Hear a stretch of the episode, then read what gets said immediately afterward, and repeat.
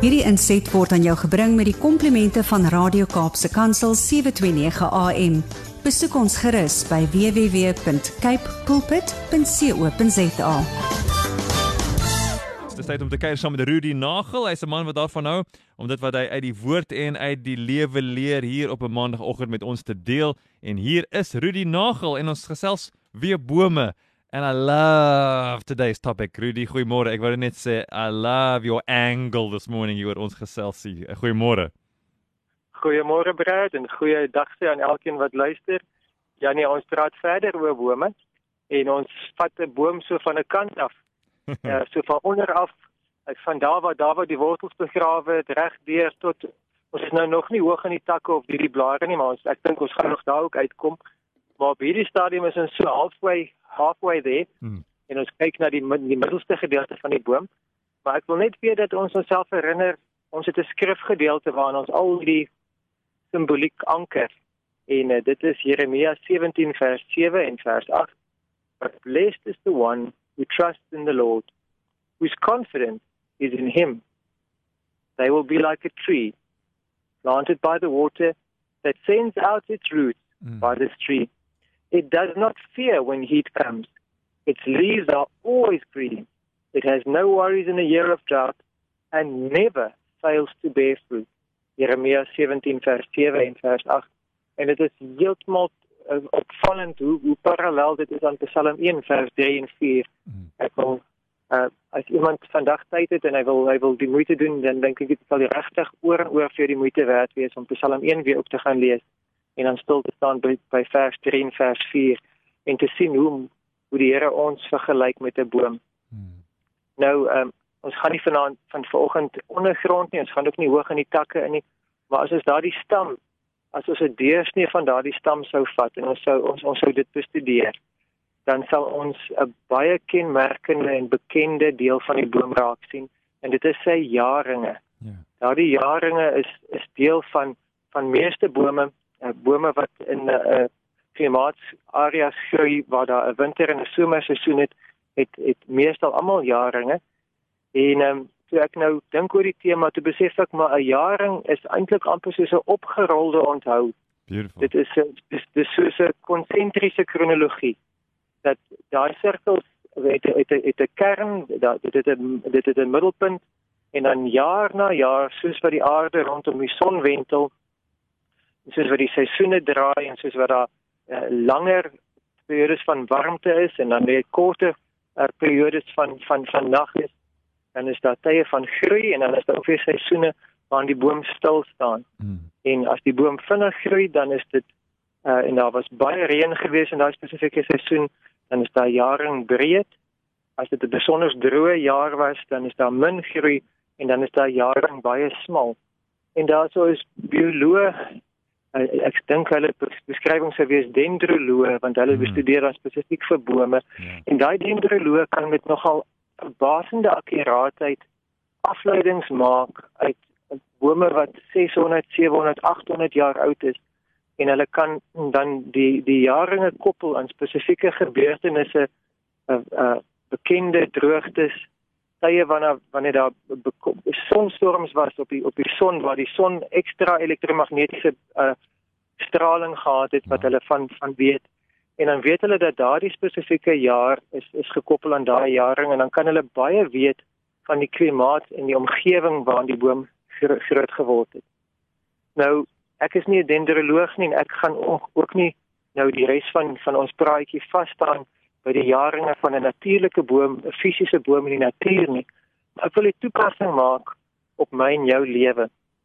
Nou gelukkig ons gaan nie ons ons ons liggame in middeldeursnit kyk of ons enige jaring het nie. Dit ons gaan nou 'n deteksie doen van van ons van ons van ons, van ons liggaam nie. Dit sal heeltemal te bloederig wees en dan uh, ek ek dink dit sal of uitpaas van die pyn of uitpaas van die gril of ons gaan ons nie ons gaan onsself ons lyf nou nie deursny nie. Hm. Maar ons gaan ons lewens loop. Hmm jou jou lewensverhaal gaan ons bekyk en dan kan mens ook sien dat daar jare wat makliker was, jare waar daar soort van baie reën was en en, en baie voorspoed en en en baie gunstige omstandighede en waar jy baie gegroei het.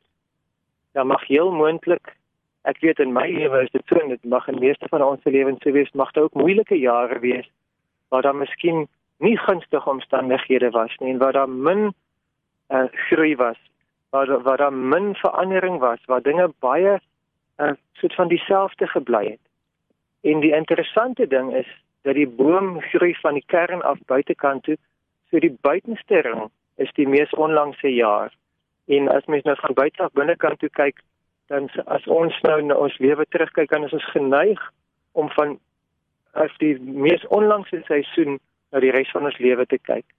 En as die afgelope paar jaar vir jou ook moeilik was, as daar miskien finansiëel of emosioneel of selfs gesondheidsgewys, verhouding gewys, as daar swaar kry was in die afgelope klompe jare, dan kleer dit jou bril waarmee jy kyk na die na die voorafgaande jare ook. Hmm. En dan dan vergeet 'n mens baie keer van die geluk wat jy geken het as 'n la, laerskool laaitjie. En mens vergeet van die die sorgeloosheid wat jou daar da was seisoene gewees in jou vroeë tienerjare wat regtig vry was. Hmm. En mens vergeet dalk van die van die avontuur van om 'n jong jong volwassene te wees en en te begin staan op jou eie voete en te begin uitgaan in die wye wêreld en en mens vergeet as jy nou al ouer is dan jy, jy kyk terug na jou jou jou vroeë 30e jare en party van ons se gesinne het op daai stadium begin vorm aanneem en party van ons het uh, kinders gekry en daar was was nuwe ontwikkelinge en nuwe dinge wat wat jou lewe vol gemaak het dan vergeet 'n mens baie keer van die mooi van die verlede want die, want die mees onlangse swaar kry kleur jou oë in. En ek wil dat ons baie doelbewus mooi gaan kyk ehm um, na watter bril het ons op. Want as ek 'n dendroloog was en ek was besig om 'n natuurlike boom se jaringe te bekyk sou ek 'n vergrootglas of 'n mikroskoop of 'n apparaat gebruik het om daai jaringe fyn te bestudeer. Maar as daai apparaat se lense gevlek is, as as daar vetkolle of krap krapmerke op daai lense is, dan gaan ek nie akkurate lesings kan neem nie. En as ek na my lewensverloop se se jaringe kyk, na die opgerolde onthou van van van my lewe tot dusver. En die brille waarmee ek kyk is gevlek deur die gevoel van ek is 'n slagoffer of dinge gaan altyd verkeerd in my lewe of niks loop ooit reg nie. As dit die vlekke op my lense is, dan gaan ek nie die mooi en die goed in die hand van die Here raak sien nie, maar ek gaan al hoe meer en meer in neerslagtigheid in in selfs in woede of in in in opstand en 'n rebellie verval dat dat hierdie slagoffermentaliteit kan alles insluk wat mooi was en dan kan dit blyk agter net met 'n harde hart wat versteen raak en wat wat geen dankbaarheid in hom het nie. Ja. Want dankbaarheid is die hart se geheue. Dankbaarheid is die hart se onthou. En as ons met dankbaarheid ons lense skoon maak en as ons met dankbaarheid met 'n skoon lens kyk na ons lewensloop, selfs na die tye wat moeilik was, selfs na die tye wat dat wat, wat omstandighede glad nie gunstig was nie, hmm. dan kan ons een ding raak sien, dat ek was nooit alleen nie dit mag dalk 'n swaar jaar gewees het. Dit mag dalk 'n jaar gewees het waarin dinge skeef geloop het en omstandighede gewys. Dit mag dalk 'n jaar wees waar dinge heeltemal anders te geloop het as wat ek verwag het. En dinge was miskien sedertdien nooit weer dieselfde gewees. Maar die waarheid is, ek was nie alleen toe dit gebeur het nie. God het my nie verlaat nie. Hy het my nie gelos dat ek soos 'n weeskind alleen op die wêreld is ek mag self soms die gevolge dra van my eie besluite. Dit is dalk nie eers omstandighede buitekant myself nie, dit is dalk die gevolge van my eie keuses wat dit juis so moeilik maak nou vir die res van my lewe. Maar God is nie teen my nie. Uh, hy sou nie saamstem met daai keuse nie. Hy sou dit anders te wou net hy hy het miskien selfs vir vir my en vir jou juis gesê doen dit so en ons het ons ons hart verhard en ons het dit nie so gedoen nie. Hmm maar selfs al het ons verkeerd gekies verlaat die Here ons nie.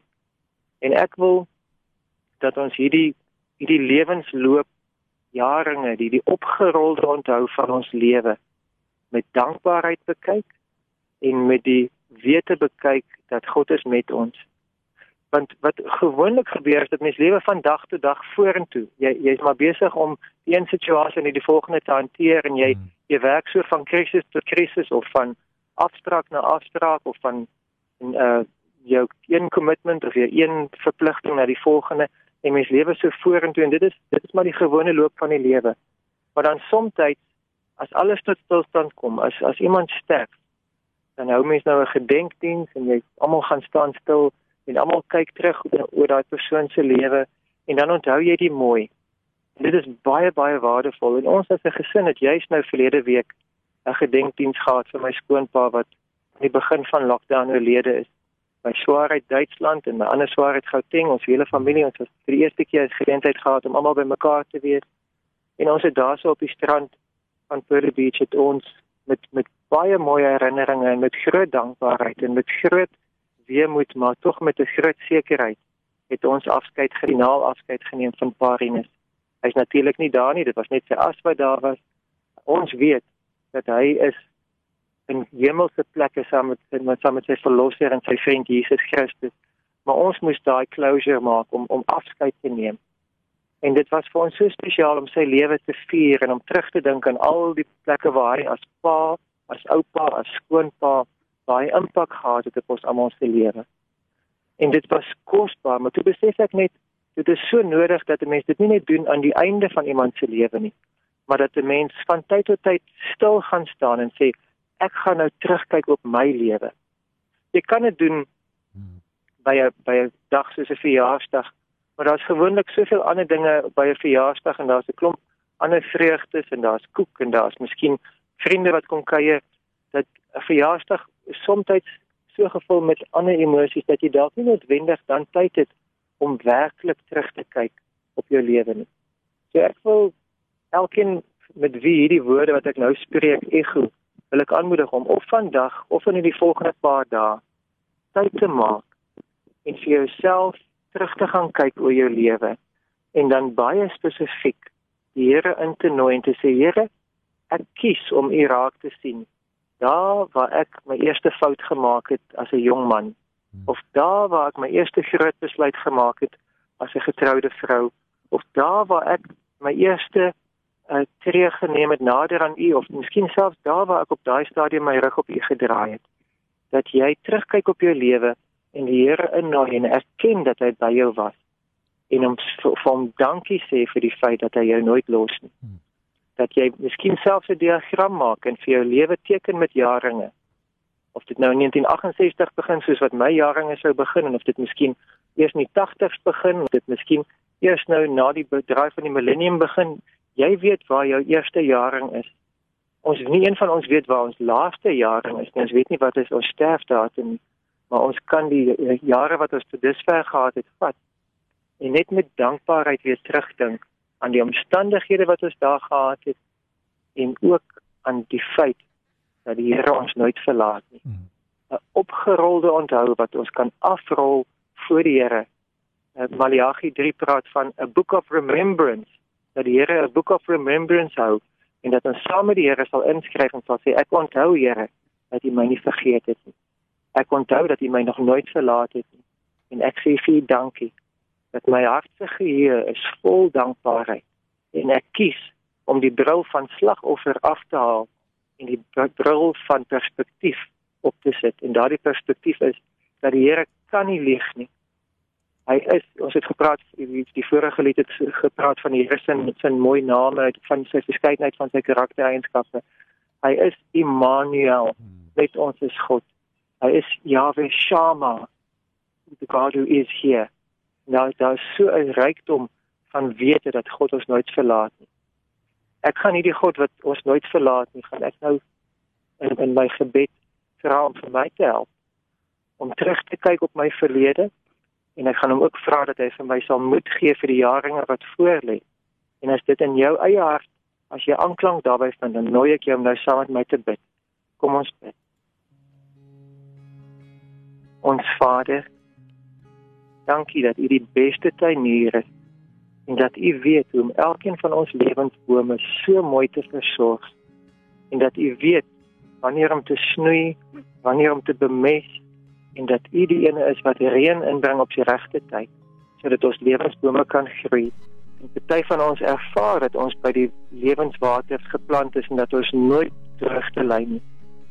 ander ons ander van ons voel miskien volgens so droog en ons voel ons is dalk besig om ons lewe te verloor.